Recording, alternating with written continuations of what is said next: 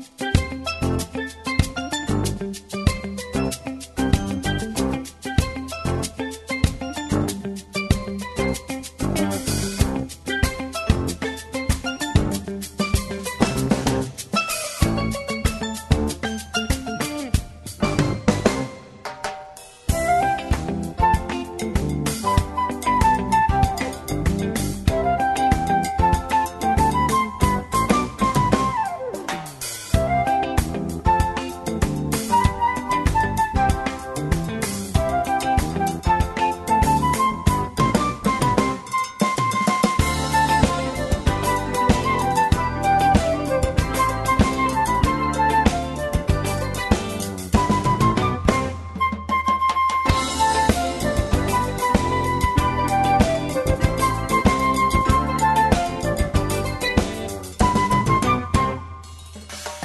Ja, jeg får si at jeg kunne hjertelig velkommen til morgonsending her av Lindene. i Eidi Heinlitsen. Hein Lutzen, tikkere verster, og jeg kan komme til halva annan tøymann. Sendingen, og det er hånd vær nok så spennende, jeg halte ikke alle vært, og vi tar nemlig en gest i utvarstående. Eh, Det som er det som er godt ut i tid, det er en gestur, det som kanskje er en sindre erbjørnet, det er gesturen, han tåsar engst. Eh, ja, faktisk uh, surafrikansk engst, sinter boara uh, aksang, um, men vi får røyna vidt om vi ikke klarer at jøkken for en annen sending og samrøve vi vi Justin Cha Okon her og ja, og jeg skal kanskje røyna fyrir jonkran at uh, det kan saman om meg sindra av føreskånd, men vi i høvesheiten så vera vi nøyt hava sendingina og engst, engst malt, om man så kan se. Vi får høyra, jeg synes jeg av toneleitje, og det har ja, det har vært nok så spesiell sérstøk uh, utgave som vi får spela av, og tog at uh, det er en felagsvinner til åkken som, uh, som synker, en, en utgave som kom ut, ui, ja, forsen noen, jeg må finne kanna etter nær,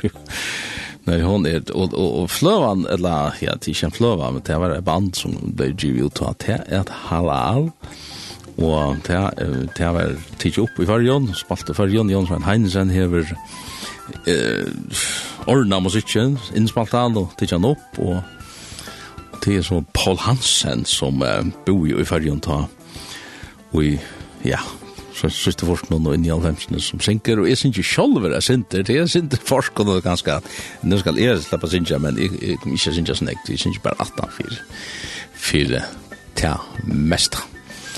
Og jeg halte til at vi får begynne vi et høyre et le av tog fløvene, og er vi får at introdusere uh, Justin Tja Okkon, eh, ja, det er vi så til. Så vi får her at høyra halal vi hesen her fyrsta lennom I need your spirit. Og det er merker mer tørvar anda tøyne. Det er så Paul Hansen som, som synker fyrir okken her.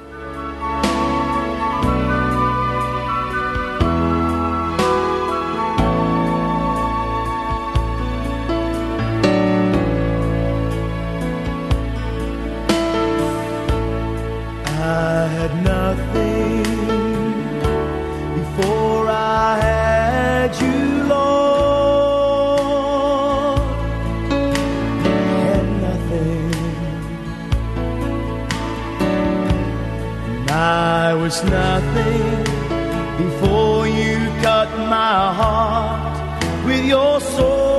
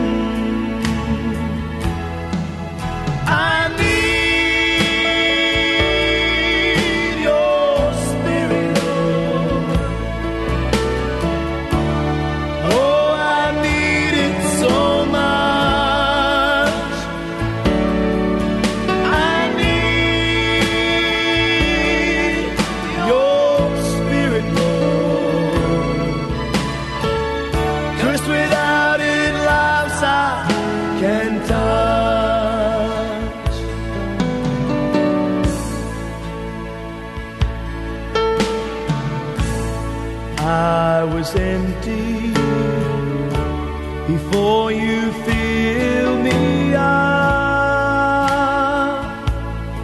I was so empty. And I was dying before I drank the life in your cup.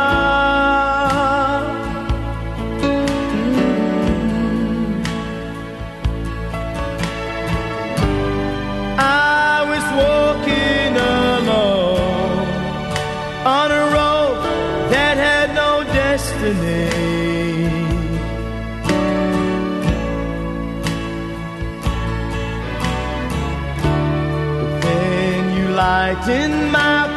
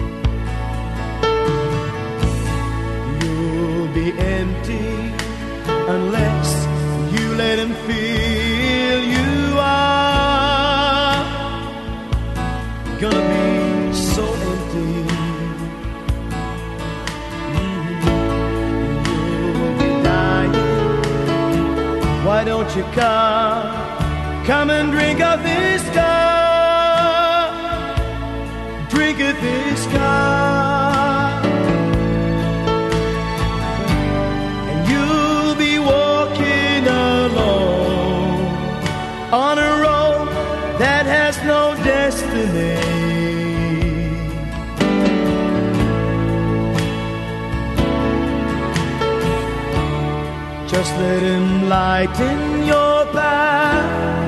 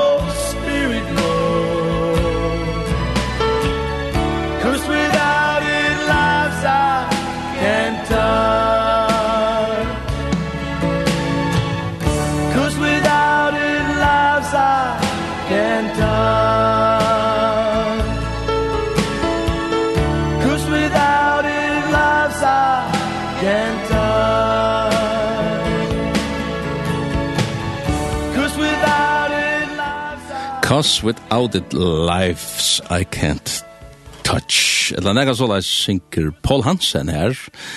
Uh, og det som han tåsar om, og jeg som sannsjon, er I need your spirit, mer tørvar anda tøyn, tøy annars kunne vi ikkje røra nesta vi mennesker.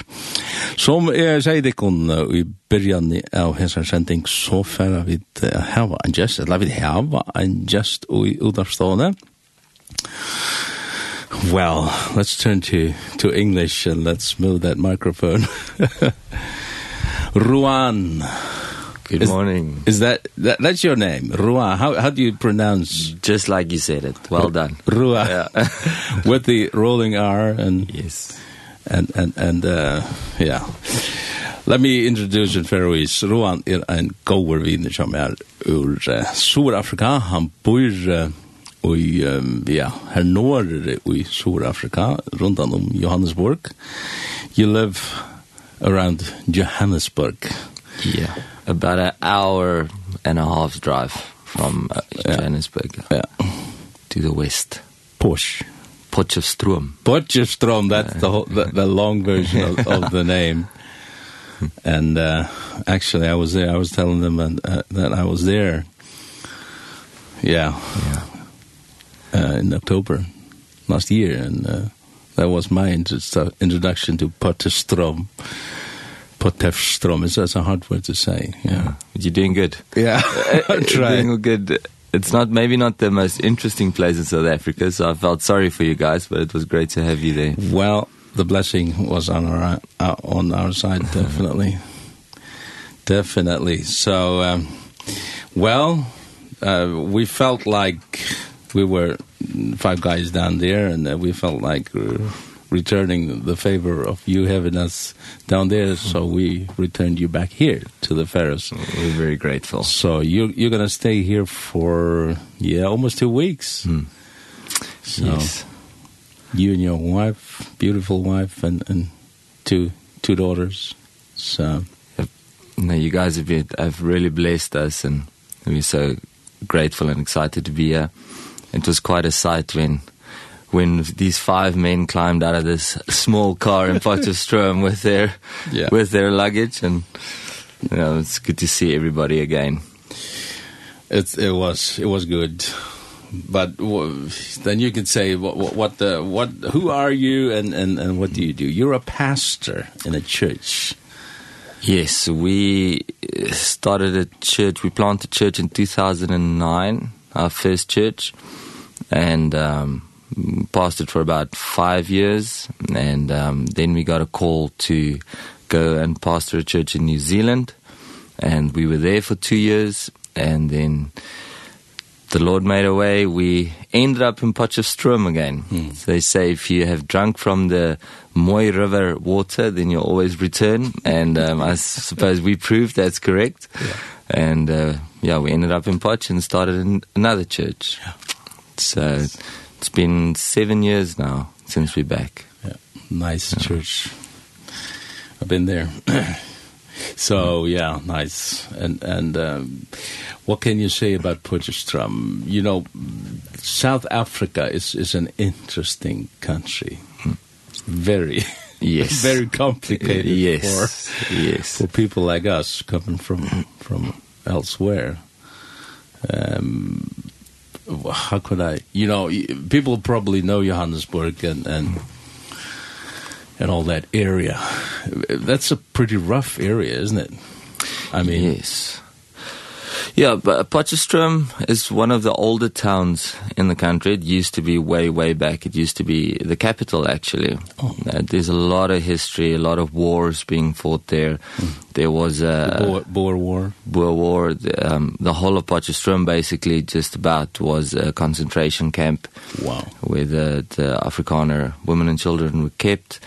Um, a lot of laws were written there. Um, and also a lot of churches uh, there's a joke that if you're a golfer you can take a 9 iron put the ball anywhere and hit in any direction and you'll hit the church. So plenty of churches around. Yeah. um but uh, a lot of challenges as well. So we that that's the the black people and and and all that social yes. Yes we've uh, we've um because of the history of the town as well there's there's always a little bit of a racial tension and you have your you still have an old mindset still there as well mm -hmm. so having a a multicultural church is sad to say but it's still dif difficult in in today's mm -hmm. day and age unfortunately but, but you but you manage somehow. We do it we do it you know, the Lord's help. yes no we do it. There are there are breakthroughs. It's not all bad but there, there's some challenges and it's a very afrikaans town. So for us to preach in english um there's other churches that also preaches in english but it can it can be a little bit challenging because you, you got a lot of people coming in that wants to hear the truth in their language mm. and And then, and yeah. let's let's just remind our listeners that Afrikaans is the old Dutch, yes, Hollandst Dutch uh, yes. language, yes. which is not Dutch. It's it's kind of a mixture between what. Yeah, it's well I read up about it so if what I read was correct it's a mixture between a lot of the Scandinavian languages um Arabic mm -hmm. mainly Dutch uh, German. There's, we've got French words. I, we understand some of the Faroese words. Um, I, I recognize that. This yeah. it's, it's almost pronounced in Faroese as well. Yes. So, so yes. It's a strange thing. Yeah, so it's actually Afrikaans is, is as much as what the Afrikaners would like to think they are a pure race and language, they really not. We are such a mixture and... Um, yeah, it's uh, it's it's vibrant. It's very different. We've got so many influences, um, uh, Germanic influences, British influences, French influences, mm. and uh, even Arabic. What what people probably know is is that Johannesburg was kind of the center of of the well, was it a revolution kind of when when when, when apartheid kind of fell and and and it was mainly in that area that it happened. So there's there's two areas: the Soweto area, which is um, basically right. next to Johannesburg. There's yeah. big uprisings there, but actually there's a town not too far from Potchefstroom um, called Vereniging, mm. and um, they had a lot of uprisings that started there as well. As well, that's where um, the the the president that abolished um segregation he did the speech in Vereniging so mm a lot of uprisings in Soweto and not far from there in Vereniging as well that finally abolished the segregation laws. Yeah. So you're kind of a hot spot, the Boer War and the yeah. and the other thing and yeah. Interesting place. When you put it like that, yes, we definitely are. Suppose so. and spiritual as well. There's there's a lot of activity. Do you think th there's a connection maybe that that uh, you know because of the the the past that that people seek the Lord more or or? I I do. I I believe um there's strongholds over the place in the in the spirit realm there's there's definitely a lot of activity. We've there's a lot of um satanism witchcraft on the one side. And the other side there's so many churches. There's a, a seminary for for um one of the denominations in Potchefstroom that's been there for years and years and years, 100 years plus. So they, they as much as what the naturals on the one side, the spirituals on the other side, and people, it, it's unfortunately a very traditional stronghold.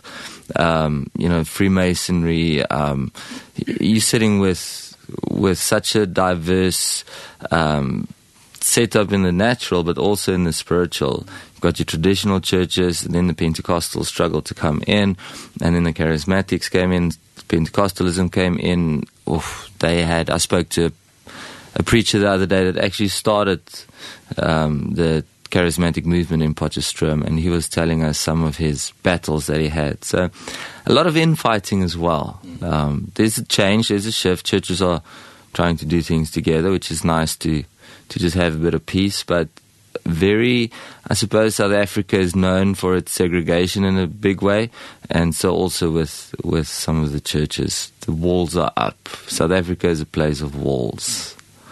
Wow. well so now you're here. You guys are here and and uh, we actually planned on having having some services uh, especially now this coming Saturday night. We want to invite people to come in and, and listen right. to you. And uh, I say that because um, I want to ask you a little bit about what uh, what's on your heart. what can people expect, you know, and and, and what's on your on your heart um, as as a preacher. Of course, I've I've been listening to you and and I love I love the stuff. It's it's it's high and it's and, and people that have, have listened to my radio programs here, they, they probably recognize some of, of the things that you have. Oh, praise the Lord. I yeah. didn't know that. Yeah, of course. Yeah, so. yeah I, it's such a... My walk with the Lord, uh, you know, my past comes out of a lot of... Um, a lot of physical abuse and um, mental abuse and emotional abuse so there's there's so much when I came to the Lord, I did some bad stuff. I I was I was totally off the off the path and um and the Lord saved me. There was such a um conversion with you know demons were cast out and and then uh, from there my walk with the Lord has been full of I would term it strongholds. Mm. And um a lot of a person you, you get saved and you think oh well you know i mean that you feel different. You you know your sins are forgiven. You know Jesus is there. You know his love. You know his his strength and his power. But then you start facing yourself because he brings you to this place where where you can face yourself to bring you to a full restoration. So and it the whole th concept, the whole principle about Israel's journey and and the stronghold where it led to was to the stronghold of Zion.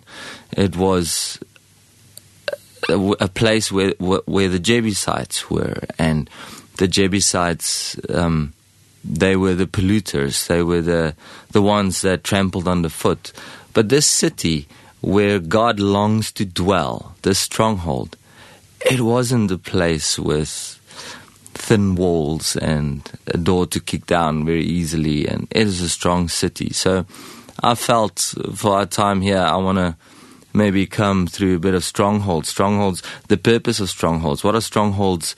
What what what does a stronghold do in our lives? Uh, there's the lord's stronghold there's there's our strongholds that comes from our past that comes through things we've done and experienced and then um, you know, what it takes to, to take down that stronghold and, and our vision of him. I, th I think uh, we should hear a song about that, you know, from, from the same city. Fra, ja, jeg vet ikke om det er endur tekka for før kontest man det også om videre okkar ur Sur-Afrika. Ruan, Viljoen, I, I forgot to, to mention your last name, Viljoen. Yeah, um, in Afrikaans you'd say Fuljun. Fuljun. There you go. Yeah, yeah okay. Uh, yeah, I have to practice on that. Jeg må bare trene meg, han sier et navn. Uh, det som, det som han er vi följer her, vi för att ha möten och lära kvalitet och vi sport igen kvart igen att lära ta sig om och det är det synte det mot den här chansen som vi får spela här han heter walking up to Zion det är hade här att att gänga upp till Sion, Sions fjäll som vi såg i höjden där kostar ju om gamla som hette allt runt om David och allt det. Och här är han tåsar om vi ser så skansanar, strongholds kallar man det för murar som som ja, vi bergas vi som som kristen att, att släppa en om och och alla till ting som är innan vi är som vi inte kör där. Sikra och jag kan.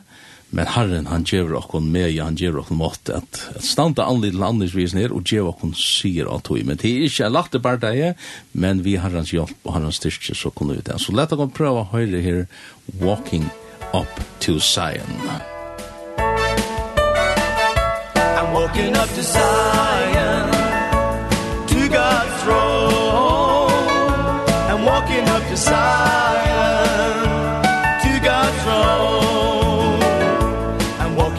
sun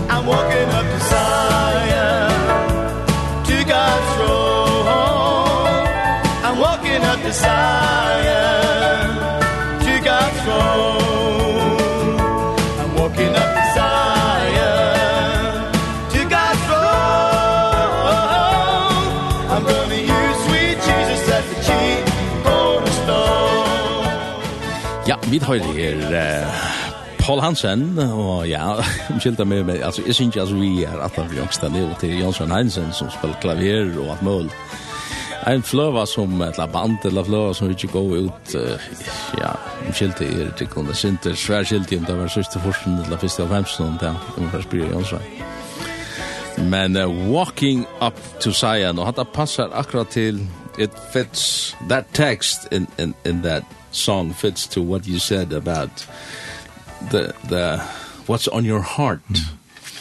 even being here in the Faroes walking up to Zion. Yeah. Yeah. I believe we we are in a time of of restoration and what a beautiful picture God gave us in his word to you know for us to walk in he said in 1 Corinthians 10 that everything that happened to them was for an example to us. So all the enemies in the land, all the giants, all the all the wars fought, all the victories won, the way they did it.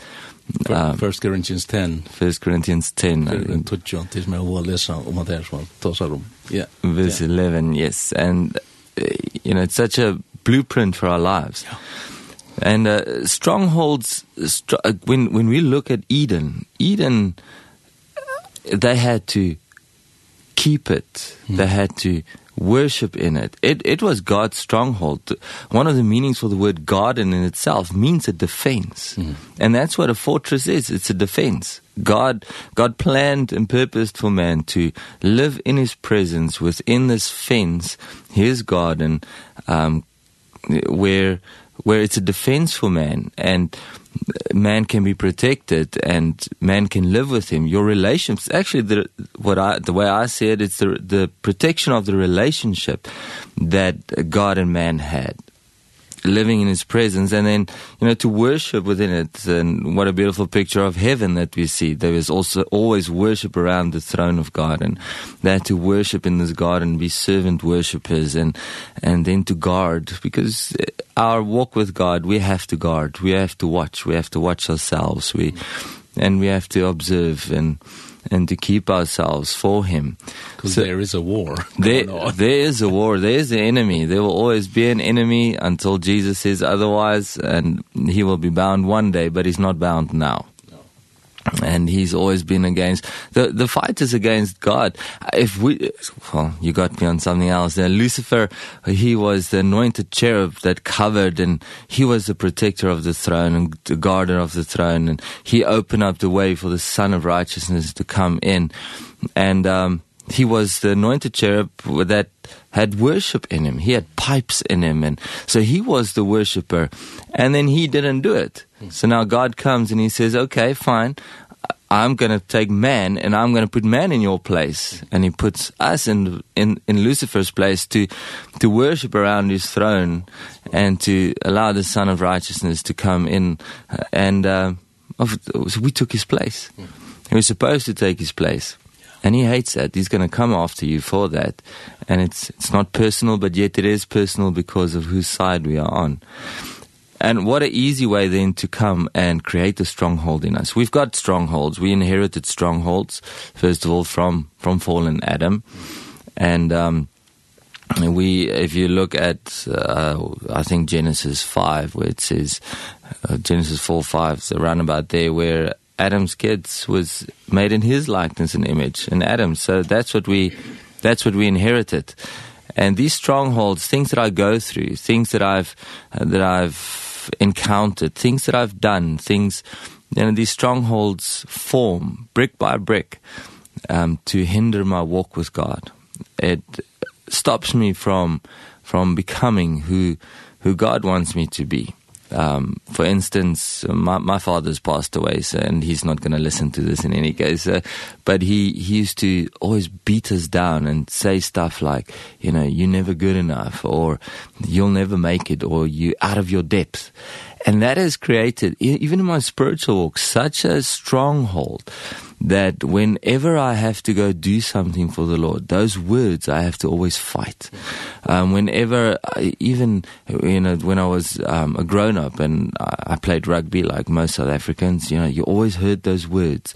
And it's really hampered a person. It, it caused a person to walk with a limp. But the beautiful thing about that is what the enemy meant for a stronghold to, to hamper me and and keep me back. My god says i want to dwell there. Wow. That's it's a, such a powerful principle. Even jacob changed yes. his name to israel yes. because of that limp yes. on half yes. Uh and everything that he went through yes. In, in fighting with his brother and and all that. It's it's such a a beautiful principle and and yes. God wants to dwell there. Yes. Yeah. and Jacob ja Jacob had the promise. He had the promise of the inheritance. He had the promise of the pro the, the promised land. And i mean jacob walked with his limp.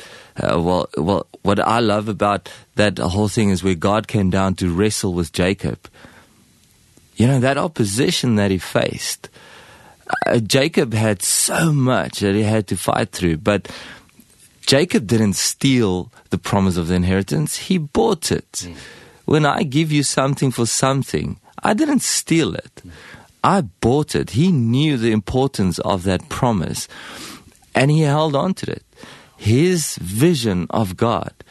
I, you know my the way I see God and the way I see my stronghold to me that's what makes a difference because Jacob came and when God came to wrestle with him Jacob it says so and God came to wrestle with Jacob and Jacob just wouldn't let him go until he blessed him it's, a strange story it is yeah. it is completely and yeah. how many times have I have I experienced tests and trials and it was just God coming to me saying well I'm going to give you a lump. I'm going to fill that lump. Do you want this? do you want this? Do you want the blessing? How much do you want this blessing? Uh, most times I have to say, sad to say, how many times have I turned around and walked away and said, this wrestling match, I, I, it's just too much. Mm. I can't anymore. And I think that's maybe part of the time we are in. Everything is easy. Most things are easy. People have hard lives and they suffer, but most things are easy in general. We live a very comfortable life. But what will happen if I listen to these old preachers?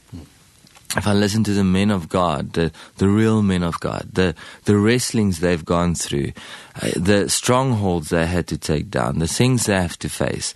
Um you know, no anointing. Everybody wants anointing, but we don't want to pay the price for it. And God is there to say, "But I'm for you, I'm not against you. That, that was David's vision of God. He says, you're for me, you're not against me. You make everything work for me.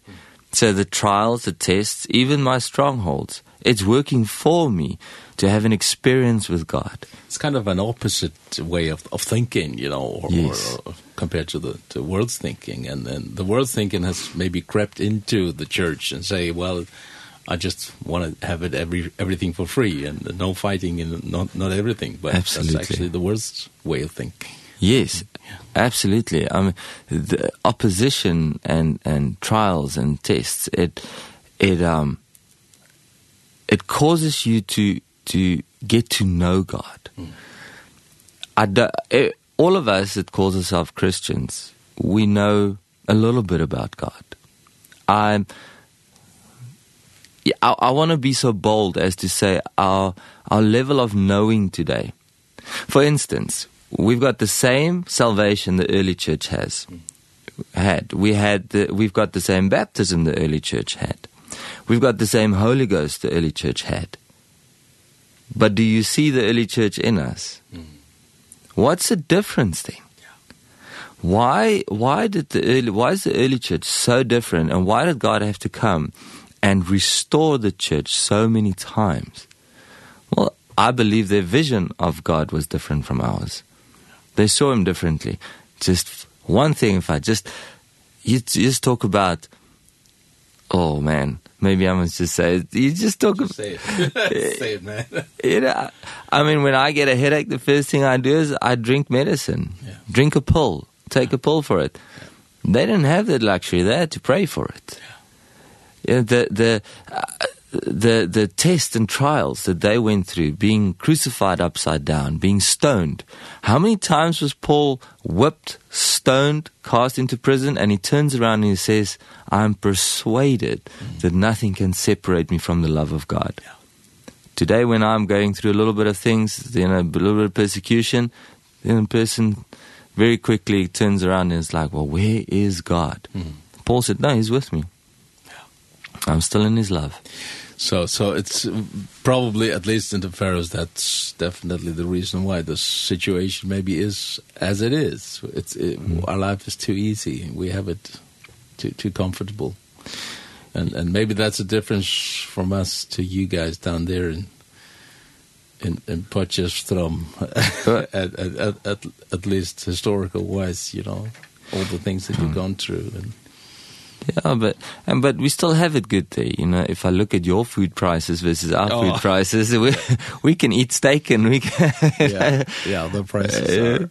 Yeah. So no, it it's easy everywhere in in general, and you know you've got the easy on the one side, but I've had the privilege to travel higher up in Africa a bit and go to the villages, mm -hmm. and I just love the simplicity of it. And you know, it takes nothing for those people to run forward mm -hmm. when there's a prayer line and start with uh, you know I've got a demon to be cast out. Mm. I've got sores, I've got uh, you know sicknesses, I've got they just so easily run forward and say I know God can do this. Yeah. There's and don't get me wrong, not everything is about the signs and the wonders and the miracles and and all of that. I'm not I'm not propagating that that is the end all and the be all of it. Mm. But it still is in the Bible and it still is Jesus when he sent out his disciples to go and preach the gospel.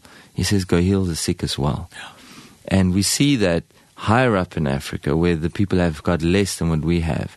Their childlike faith that this is not too big for my God. Mm and we that I believe that's why we see so much. We we see so many demons cast out.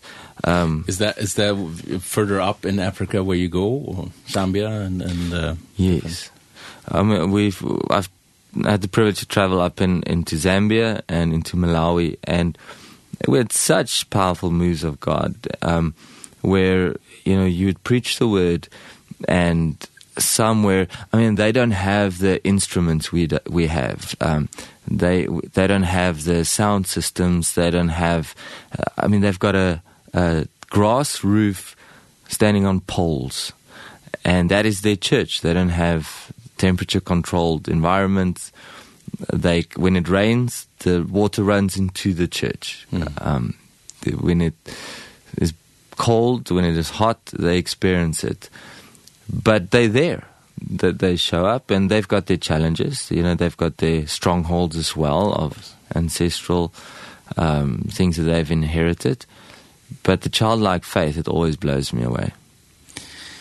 I think uh, we'll hear one more song of this this CD uh, that we've played out of Halal. Ja, jeg vet ikke om jeg skal endeteke han, det er som han har sagt, men med landa om, jeg vet også om hans arbeid i resten av Afrika, eller Time London, som har vært på Norran for Zambia og Malawi, og her er han ser underteken henta, og man kan spyrja hvor jeg hentet det, så ikke i fargen, det er ganske vekna til einfalt og trunna og avlite som hese falskene vil ha nøyde her, til det det her var jo ikke til å lukka beheiligt som, som vet, men eh, Ja, vi kunne sjå at jeg eisne vant av underrotation her, av hendet i fargen. Da er man hever godsmenn rundan om seg. Jeg hadde vi for å høre et les som eiter Let the fire burn, let elden brenna. Vi kan lort det her. Let the fire burn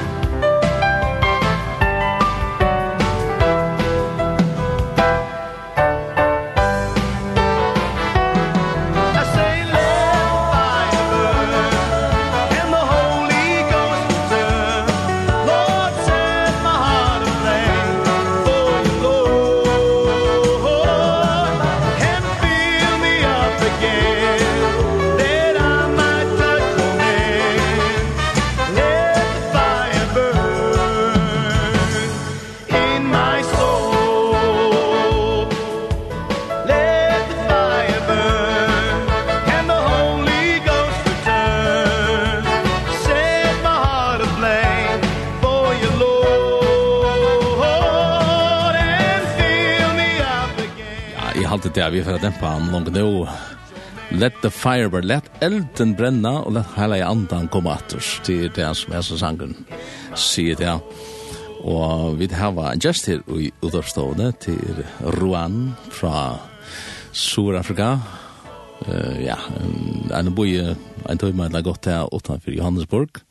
Her oppe i, i hattene i, i Johannesburg, selv ligger 1500 meter over seg havet, så det är nog så nok så høyt, og da vi var her i oktober ta ta var det inte fruktligt ett för för Afrika det var att vi nemlig dem man ligger så lengt opp. but we've heard some some great stories well i i want to hear stories about uh, it triggered me on that, mm -hmm. where you talk uh, that that you travel up north in in Africa um of of what happens there. And and it's kind of we we we envy that a little bit mm. or you know people getting healed and and and set free and and yeah. You have stories like that? Yes yes we we do. It's it's just so amazing the I almost want to say the less people have the more they have to rely on God. So what we do is we go up and we're in a privileged position where we are still young enough and we are still able to go and set up camp right next to the church and we would stay there, sleep there, um, eat with them. Um, and that, that, has, that has brought such a, um, I was telling Heine, the people felt so loved that someone would go and almost live amongst them and, and reach out to them like that. But, you know, there's so many stories when, when we we would preach the word and they'd have interpreters of course.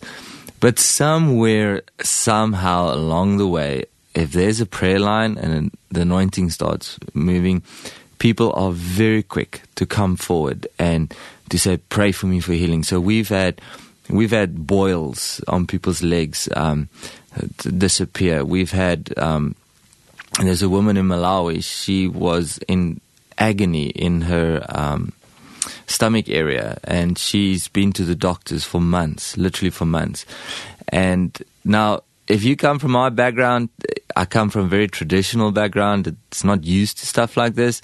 So but I I read it in the Bible and I want everything that God has for me. So I thought, well, if if Jesus told the disciples to go and heal the sick, then I'm not the healer, so I'm going to pray for people. Mm.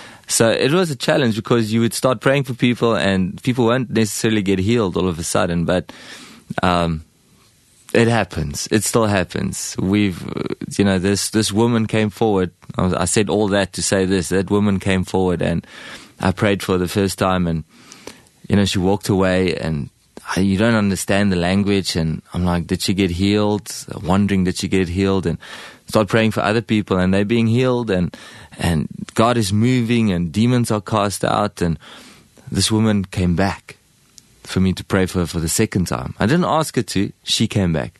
Pray for a second time. And I prayed and I stopped and I looked at her and she said, "Pray." And I prayed again. And she started jumping. She couldn't walk, she could hardly walk when she came in. And she started jumping up and down just praising the Lord. Now, And when these people get in the Spirit, they lose all inhibitions. They're not so walled like we are. And so I love them so much. They, they give so much of themselves. And as she was falling from one side of the church to the other side and praising him, of, of it's he that heals. It's, it's not us, it's he that does it. We've had a guy in the prison. Um, we were a little bit uh, into the prison ministry as well for a while and uh, had a Bible study, and this guy was blind. So we said, well, can we pray for you? He says, yes, please. And we prayed for him the one week and nothing happened. You know, so you feel a bit discouraged, but you remind yourself, you're not the healer. Jesus is the healer. So the next week we went back and he said, can we please pray again? He said, because he started seeing a little bit, but there's still something there. So we started rebuking a spirit of witchcraft. Mm and his eyes opened right there in front of us. He could see. Uh, you know, there, there's, so, there's so many stories like that. Baptisms, oh, baptisms are powerful. We, in the prison ministry even, um, we were not allowed to take in a bath, but they gave us special permission to take a, um, a wash basin, mm. just a small wash basin. So we would, we could fill that with water let the people stand. It's it's what we had. Mm. so i know you know there's theological people that say listen. It's a big discussion uh, how much water. yes exactly. And but this is what we had and we filled up another wash basin. And when we poured that water over them and they take on Jesus name I mean demons came screaming out. And you know that name still delivers. There's still demons being cast out. Um higher up in Africa. Uh, I, I'm so excited about these things. We we we only had a river. And my first baptism in Africa, higher up in Africa, the pastor said to me, there is a crocodile. Mm -hmm. He said they saw it the previous day. It is there. But don't worry, we'll chase it away. So we get there and everybody walks into the water, make sure there's no crocodiles, and start baptizing the people. And, you know, there's there's women that come out, men that come out of that water being torn by these spirits and we cast out the demon right there and people get healed, they get set free, they they there's so much that that happens there and I believe because they expect so much from the Lord. We kind of don't expect it anymore. We don't expect God to move.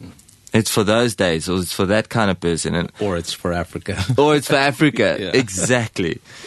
and it's not. It's absolutely not. It is, the, you know, it is, it, how much do we expect him to move? And, um, yeah, so I've challenged... Or, or how much do we want him to move? Yes. Yeah.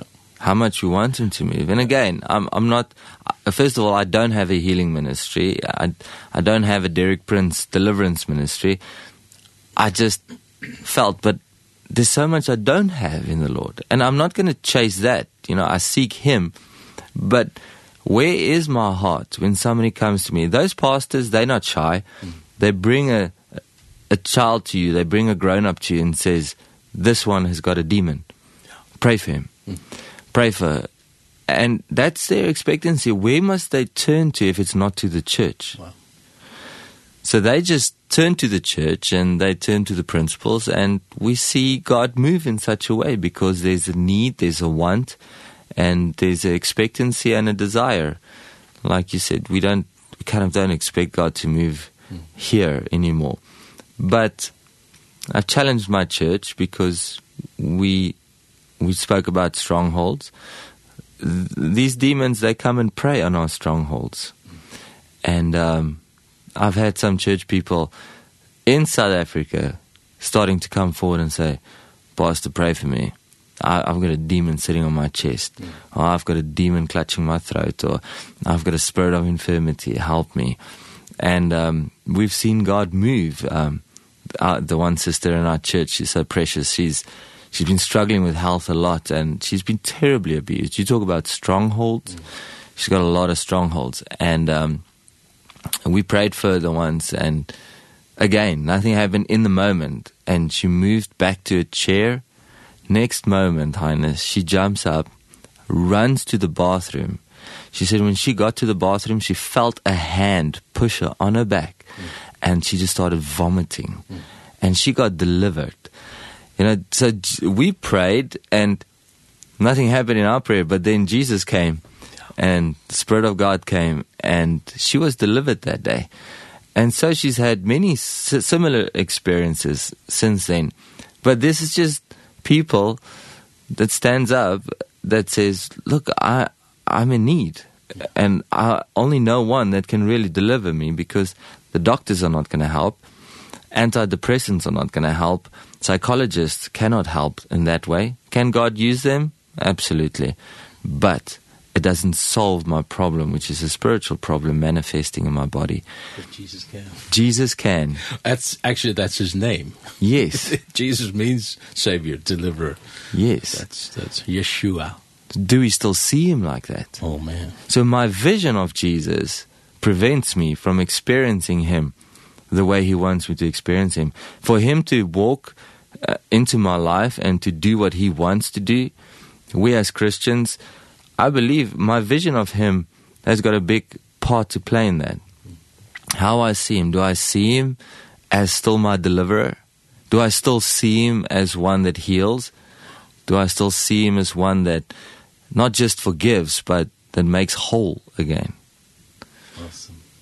Let let's uh, we have to hear some songs about that. It's just like fire. You know this song? Oh, I love it's it. Just like fire. Det er som elter det er det som vi føler på nå. Vi er samrøvende vi Roan, viden som er her ur Sur-Afrika, som er greier så fantastisk fra hvordan herren virker her nere i Afrika, og ja, jeg eisen hvordan kan virke her i Førjen, og at mennesker har sett i fralse fra ting som, som binda deg, og, og beg i sjuk, men eisen i andre ting, altså, av, av, av ting som, som fudgjenden, hever som um, vi virkje, kunne vi kalla det for strongholds, vi virkje, som, akkurat som at, at man slipper ikke vujar i, i i løyven, og tog man er innelastet, eller utelastet, eller hva kalla kalla det, hva du vil. Mynden som uh, er så fantastisk om uh, om Sian tar David inntekker Sian, det tar seg nesten om og, og Janne. Men det er ikke en jo Jakon som gjerne vil løysast ut, it's just like fire, det her er etter en sanger som vi kunne fælla lortet etter her enn av løtt.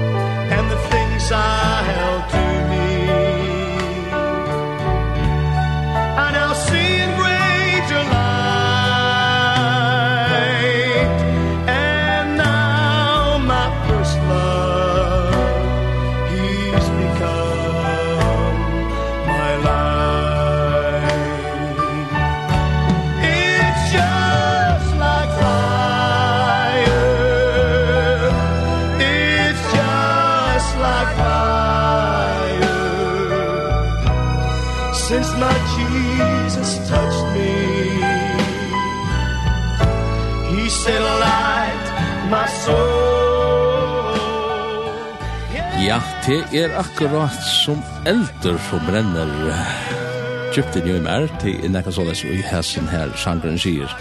Det er um, nekka en kjentla kanskje som to hever og sitter vi til verste til nekka meir til nekka som har en hev til døgn og det er nekka som brenner nye ut der men to slipper jojare og i løyven um, ja hva skjer man så? Jo, en mat i til at lufta til resten av hessar kjent ingenier og vi får annars hava mm, møter nå om vikskiftet oppi i Gledjebo, som det er heter, oppi i Tjatla.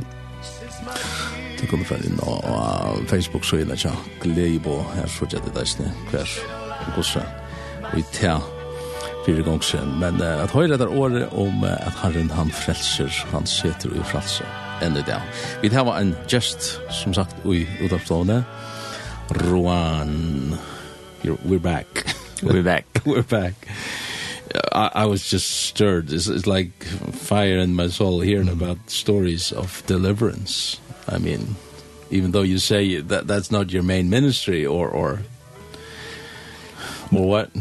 Well, it it isn't. I, well, I don't I don't think it is to put it like that because I don't. I mean, the, you shall be known by your fruit.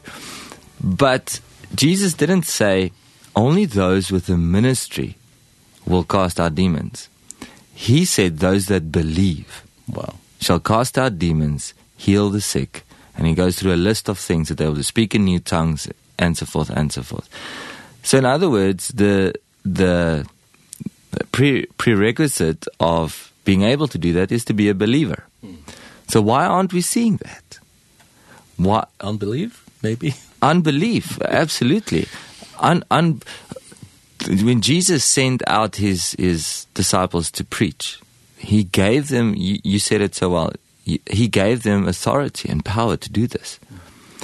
So are we where are we living in in a season is the bible written for only them should we take jesus words and categorize it in time frames or are we missing something here if I come and I preach the word, the gospel of the kingdom, but somebody is bound, the gospel of the kingdom is about deliverance. Mm.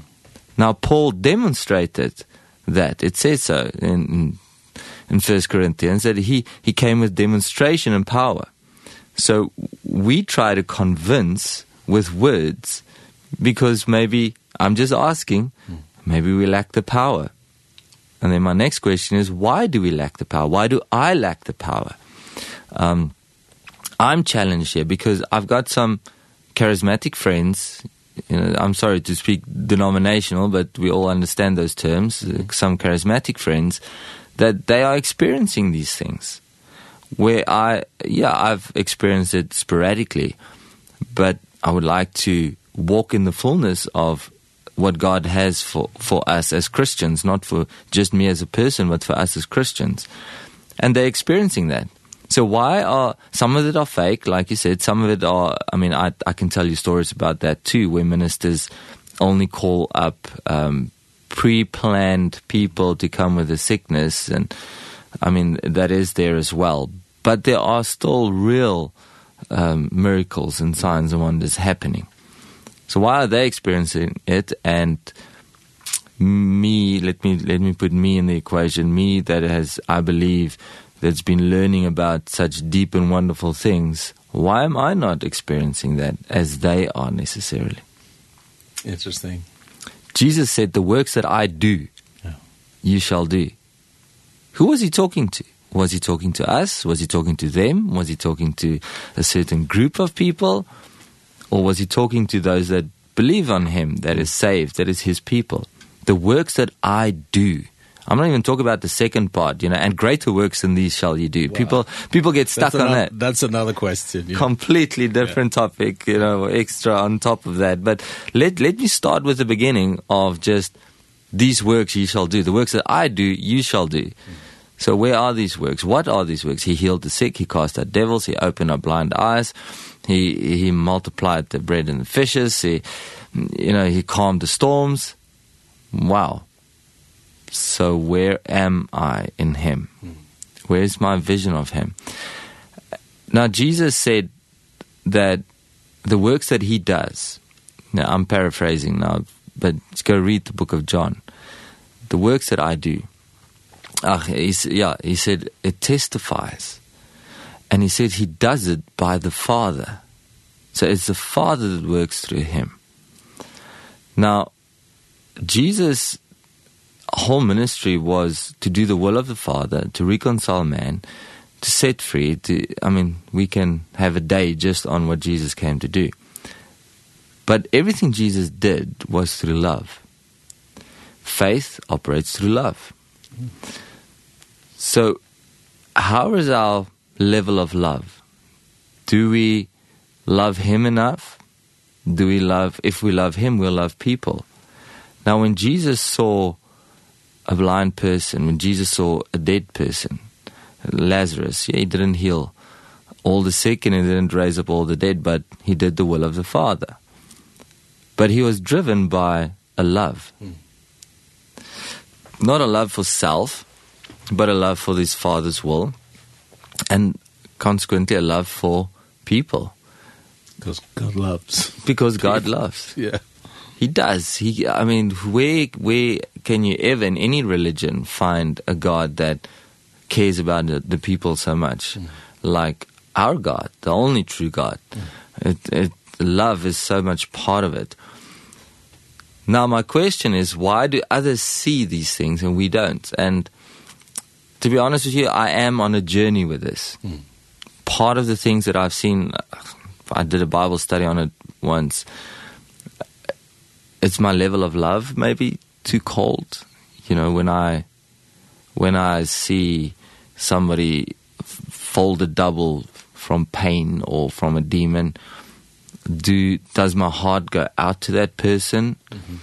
Um do I love the Lord enough to go and preach his kingdom and then demonstrate the kingdom. Um these are questions that I'm walking around with. I'm I'm tremendously challenged. And and I think we uh how can I say this? Can I just say it? Say it. I can run away yeah. suppose. You'll be back next you'll be gone next week. Yeah yeah, yeah you know we we as if i can call us pentecostals i don't know what else to classify us as we've got a very deep understanding of the word mm. sometimes but we've got a very low level of love mm. sometimes and vice versa with the more charismatic people they've got a very high level of love mm. but not always a very deep understanding of the word of god and i believe both sides are wrong we need to be balanced my knowledge in the word should bring about a greater love and their greater love should bring about a more knowledge. So good. Yeah. You know so Jesus when when he when he walked in was it Capernaum where he couldn't do many miracles because of their unbelief he went and he just taught in the synagogues. So he couldn't demonstrate his power there because of the unbelief. He couldn't demonstrate the kingdom there. So he just went and did bible studies. mm where God wants us to, I mean the word is is so important. It is. And uh, you know the ma main reason you you have come to the Faroes is except for for a, a vacation that gave us the, ver the the word the word of God and and I I mean I've heard you through the years and and it's it's powerful word. Let's I I you know we don't have much time left in the in the program. So I, I just want to hear one more song of of this. Uh, well, let's say we take the song "They That Wait," and afterwards, I, I just want to hear about that word that you talk about. You know, and what we can expect of of that. So let's hear Paul Hansen. Lata kun høyra andre fædle først. Paul Hansen saman vi Baltsson Halal Sinja, They That Wait, Tei som buja etter haranon foa nutja Nudja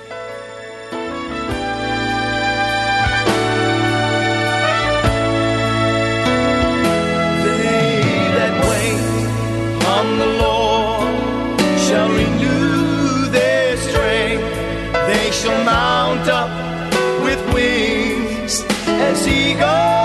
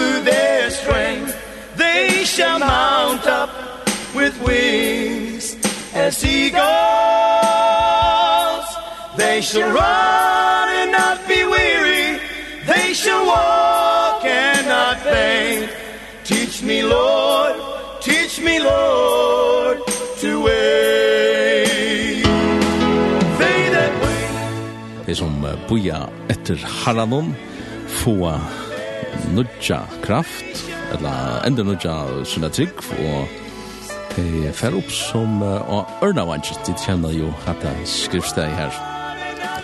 Renna og vi plast ikke. Uh, vi tar en, en uh, gest her i Udarflåne i Lindene, og i morgensendingen her i Lindene som du lortar etter, sendingen kallast og Bilge Langt i Eidi Hen Lutzen og gesturen tja okkon han eitir Roan uh, how's your last name? Filjoen There you go, well done, good one. Ja, vi, vi prøver å si at det er så det båra uttrykk navn som uh, som uh, ja, han er jo soraskanare så uh, you, you're gonna you're, you're a preacher most, I would say. Okay. And you're good. okay, thank you.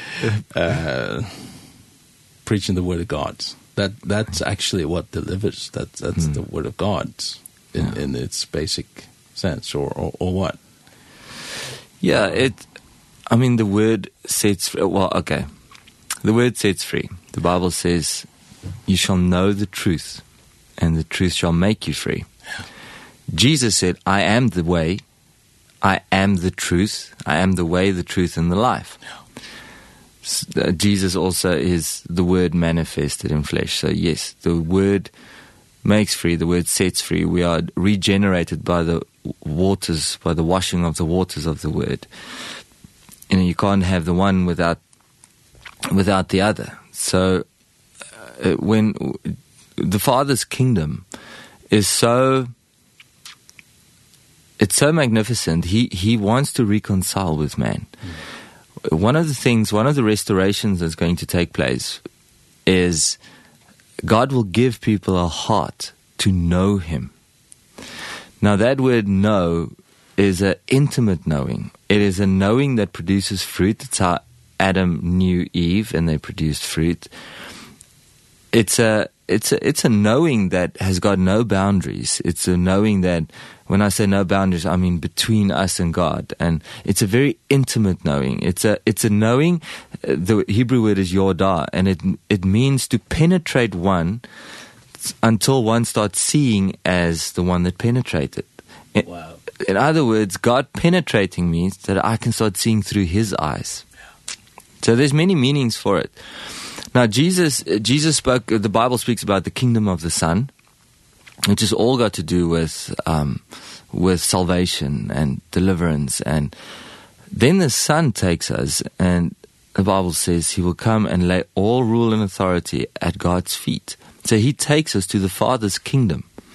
So there's there's something beyond beyond salvation. Um now first of all salvation is not being belittled.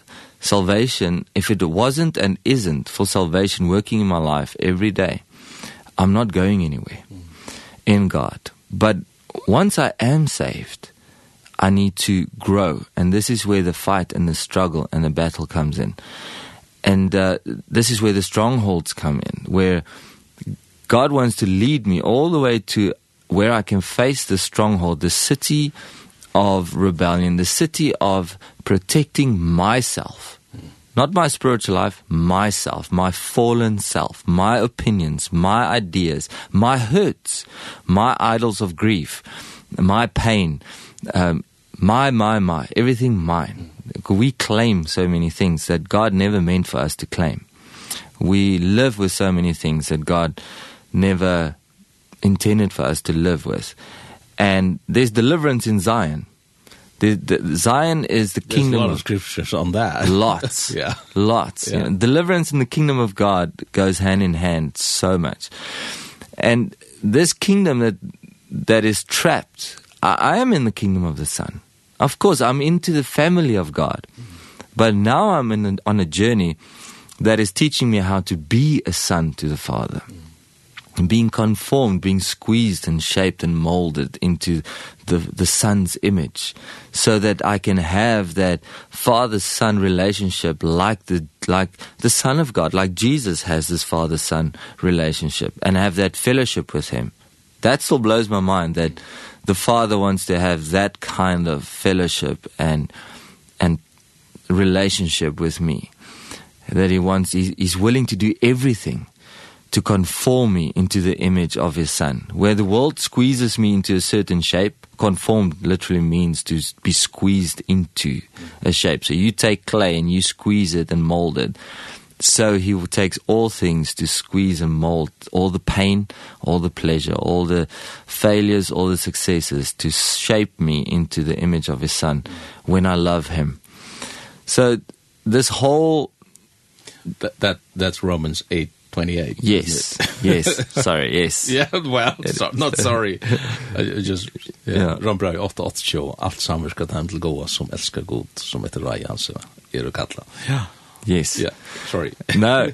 No, I I I get carried away. Yeah. Uh, you know, it said this the whole journey is back to the father.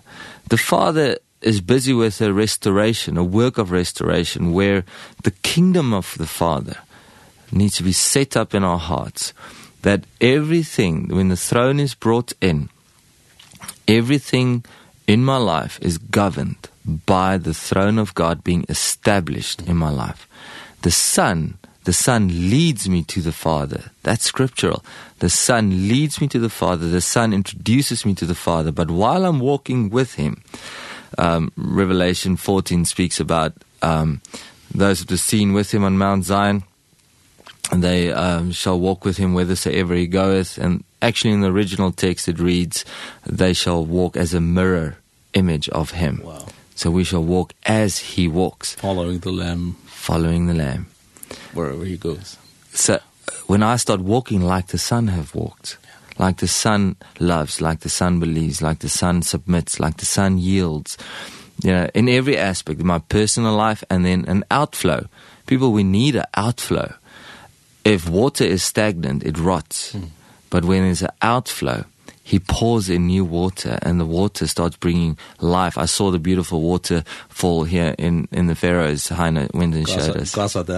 it was beautiful. And what a picture where this water just flows. It's clean. I think you can drink from it, right? Yeah, of course. You know, it's not going to make you sick. But go to a old dam in Potchefstroom where the water is stagnant, you're going to get sick. Yeah. And um maybe that's part of part of our journey is to get so much a hold of God in our personal lives that it will flow out because we need to be witnesses for what he's done in us and then what he's going to do through us. Awesome.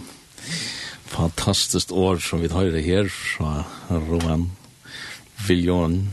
Eh, og folk får høre at høyre han eh, nå leger kvalitet klokkan halv åtta oppe i, i uh, Gleibo i chatla 35. Folk på møter bare opp, og hvis de har også at han var bønner med tisen råren, så kom det godt til eisen, til er, ja, så vi tar så ferdig ut. Um, her i Roan og konan sa um, Valerie, og de er tverdøtrar, er vi eisen til å komme så et lottaka, og tog i møtene og tjene. Uh, Så lær som Herre lei deg, at uh, ja, tjøk noen gods år, tjøk noen alt det som, som han hever ho, et, eller som Herre vil gjøre ui akkara liv, eller tjøk noen akkara liv. Det er det, ja. Uh, jeg halte at jeg ferdig at ja, nå klokkan blir en som genegg her i hesar sendingene. It's already, yeah, I have to sh shut this program down and, and Ruan, I just want to say so much. Thank you for joining in here this morning. My pleasure.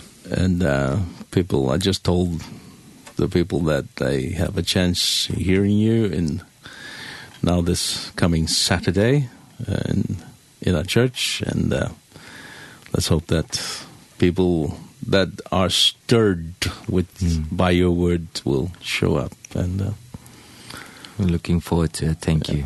Yeah. So, um, I think we should hear one more song and uh, let's hear There's a song called I'll Say Yes. Do yes. You, you yes, remember please. that song? I love it. Yeah. So jeg halte det at vi får høyre hentan her sangen som sier I'll Say Yes, og så får jeg avslutta om en av det.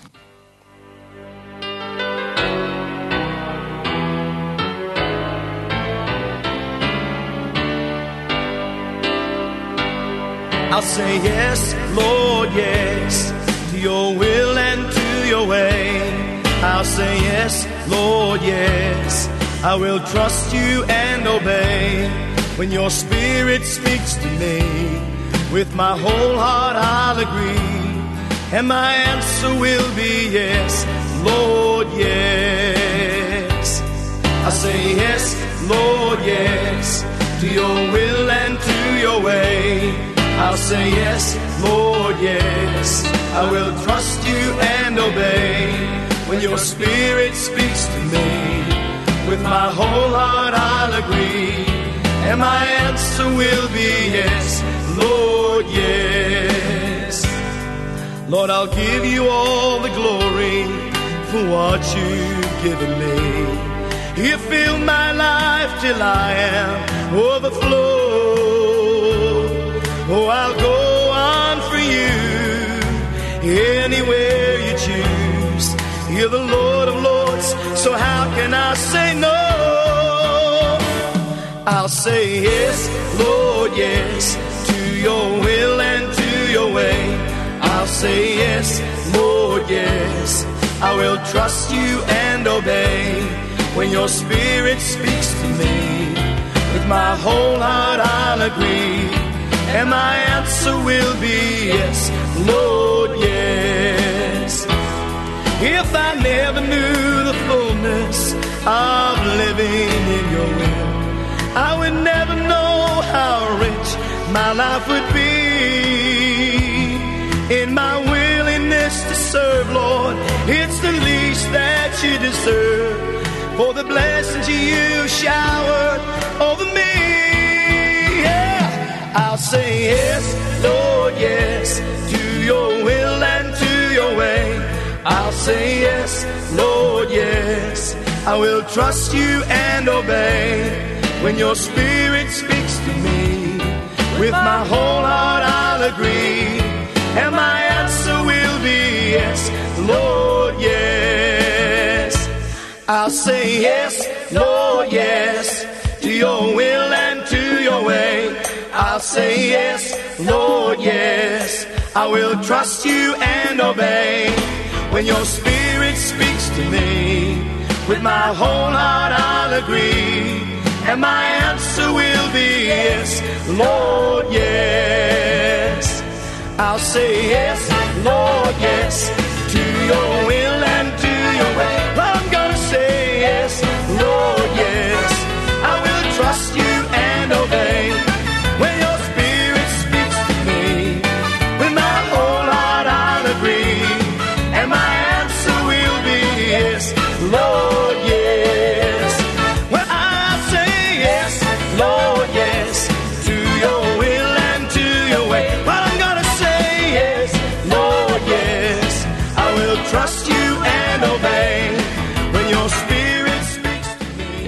høyre så etter det at sin trien i hørtes av løna, hon er ja, hon er batna sin tog i sjåan det ja, det er en 35 år så igjen at det ble tidsi opp og men særlig inni alt det. I'll say yes, jeg vil si ja herre til tog vilja.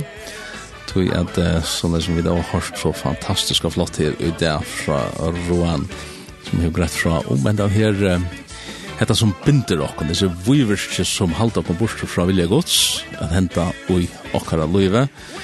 Det er kanskje en av høvesbåskapene som han fyrir at tala til okkon, hvordan vi kommer vera sett ui fralse.